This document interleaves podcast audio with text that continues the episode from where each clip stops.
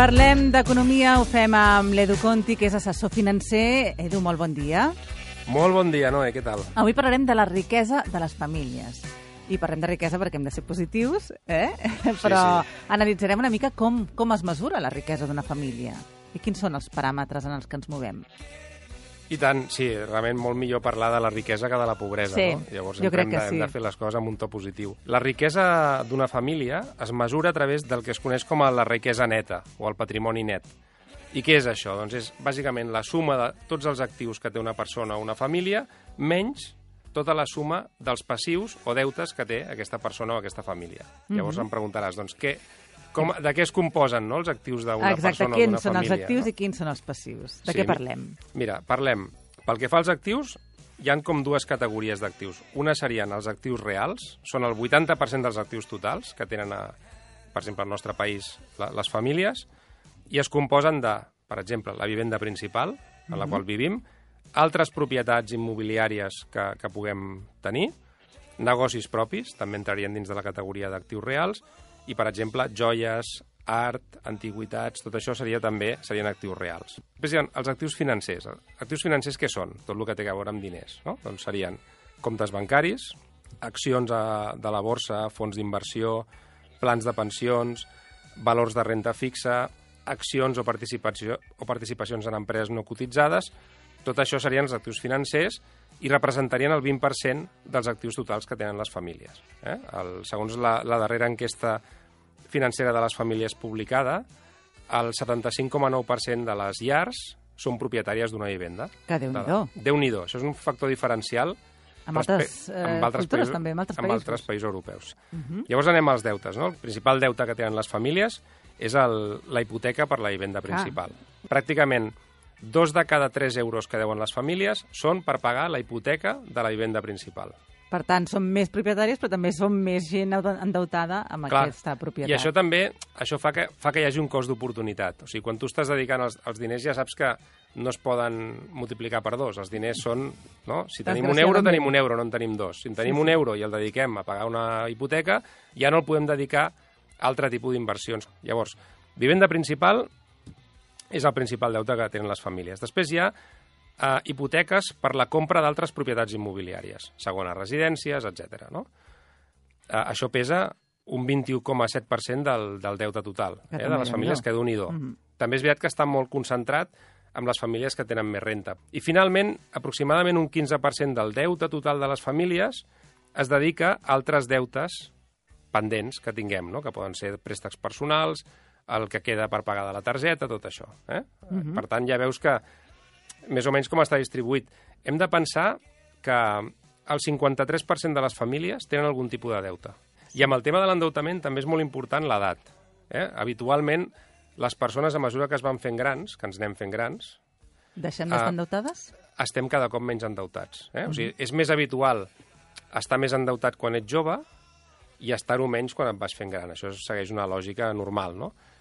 La riquesa neta és la diferència entre la suma de tots aquests actius, eh, dels actius reals i dels actius financers, menys tota la suma de deutes que tinguem. Per això també els joves, en alguns casos, tenen inclús una riquesa neta negativa, perquè no han tingut encara temps d'acumular actius i, en canvi, ja comencen a tenir a vegades doncs, alguns deutes, no? Si parlem de mitjana de riquesa, Uh -huh. com estem en aquí? Tu què diries? Tens alguna xifra al cap, una mitjana? Uns 250, 260, 270. Un 10, Un has, 10. ho has clavat. La mitjana de riquesa neta a Espanya, l'última dada publicada a l'enquesta financera de les famílies, és de 253.000 euros. Mhm. 253.000 euros. Ah, Diràs, està no, no està No mal. està mal. No està mal. Sí, sí. No està mal, però ara anem a parlar d'una mica de diferències, perquè això de les mitjanes, diuen que les mitjanes les carrega el diable. Pensa que el 25% de la població més pobra, o que té menys riquesa neta, té una riquesa neta negativa, de menys 200 euros.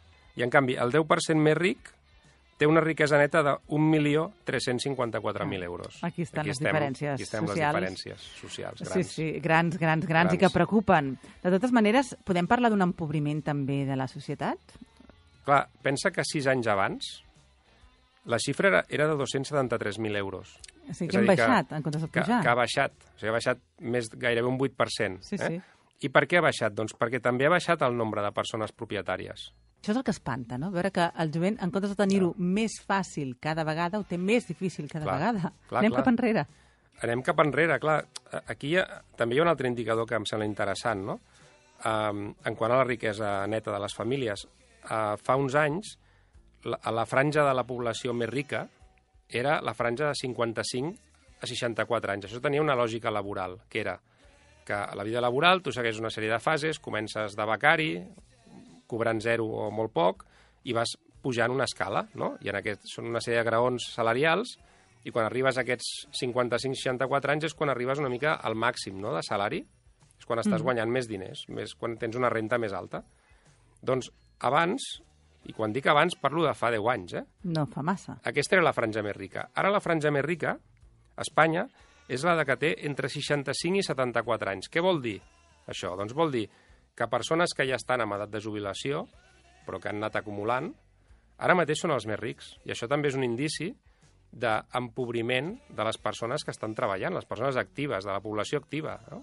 I, I també és, és un tema que, que, fa, que fa reflexionar. Jo crec que estem en un canvi estructural gran que, que es reflexa de moltes maneres, que es deu, que té un multitud de factors que l'expliquen, com el, el, les dificultats d'accés a la vivenda, el deteriorament dels ingressos dels salaris i de, de les rentes de les famílies, i això fa que, si no som capaços de- d'accedir a la compra d'una vivenda, això ho hem de compensar d'alguna manera, hem de- d'estar més oberts a buscar altres formes d'invertir, eh? perquè, com, com he explicat, no? els actius no s'acaben amb la vivenda. Llavors, hi ha països molt rics a Europa, tots els nòrdics, a Alemanya, Holanda, el, tots el món anglosaxó, en el que hi han menys persones propietàries que a Espanya, però en canvi tenen uns actius més diversificats i tenen doncs, més diners en fons d'inversió, més diners invertits a la borsa, més renta fixa, o sigui, tenen una cultura financera més gran. Llavors, si no puc arribar a comprar-me una vivenda, home, això no vol dir que jo no pugui estalviar i no pugui tenir uns objectius econòmics. No? Llavors, quan nosaltres planifiquem l'economia, a part de fer un pressupost, que és el que sempre diem, hem de tenir també al cap aquest concepte de riquesa i intentar també anar fent coixí, perquè el coixí el que ens dona és tranquil·litat, no? Tots necessitem un coixí i hem de valorar a veure com el fem. Eh, està clar que aquí en aquest país eh, la gent acaba co- comprant la casa, que també deies que a vegades ens pot donar una seguretat quan ets gran, que com a mínim el sostre el tens garantit, però també hi ha altres maneres d'estalviar i de fer coixí, com tu deies. Doncs a veure si aconseguim no anar amb una població cada vegada més empobrida, Eduard. I tant. Doncs eh, qui vulgui saber més coses de l'Edu Conti doncs el pot trobar a contieconomia.com. Moltíssimes gràcies i que acabis de passar bona setmana. Igualment, que vagi molt bé.